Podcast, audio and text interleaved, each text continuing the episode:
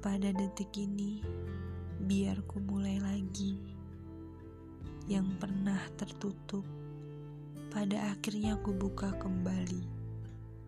Yang sempat mati, kini sedang ku coba untuk kuhidupkan lagi. Tidak ada yang tahu bagaimana masa depan akan mengukir jalannya. Tidak mengapa. Biarlah pada dasarnya tidak ada yang benar-benar akan tinggal. Tiada yang tidak lekang. Tetapi aku belajar bahwa apa yang kita punya tidak selamanya akan ada di tangan kita. Akan aku biarkan masa depan berjalan sesuai arahnya aku hanya bakal mengikuti di belakangnya. Sampai pada detik ini, akhirnya aku telah mengerti.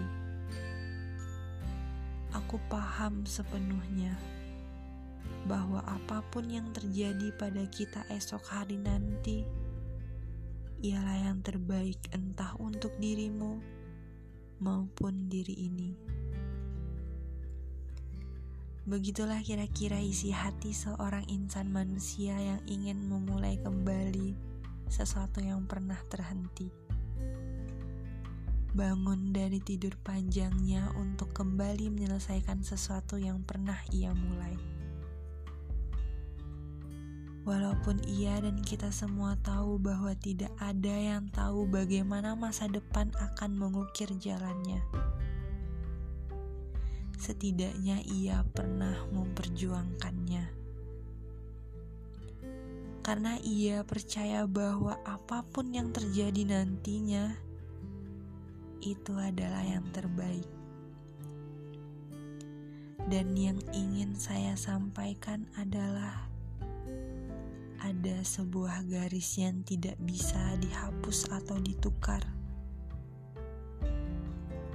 Itu adalah garis Tuhan yang perlu kita lakukan hanya terus berjalan mengikuti garis itu menuju tujuan terindah yang sudah direncanakan Tuhan. Salam semangat baik dari.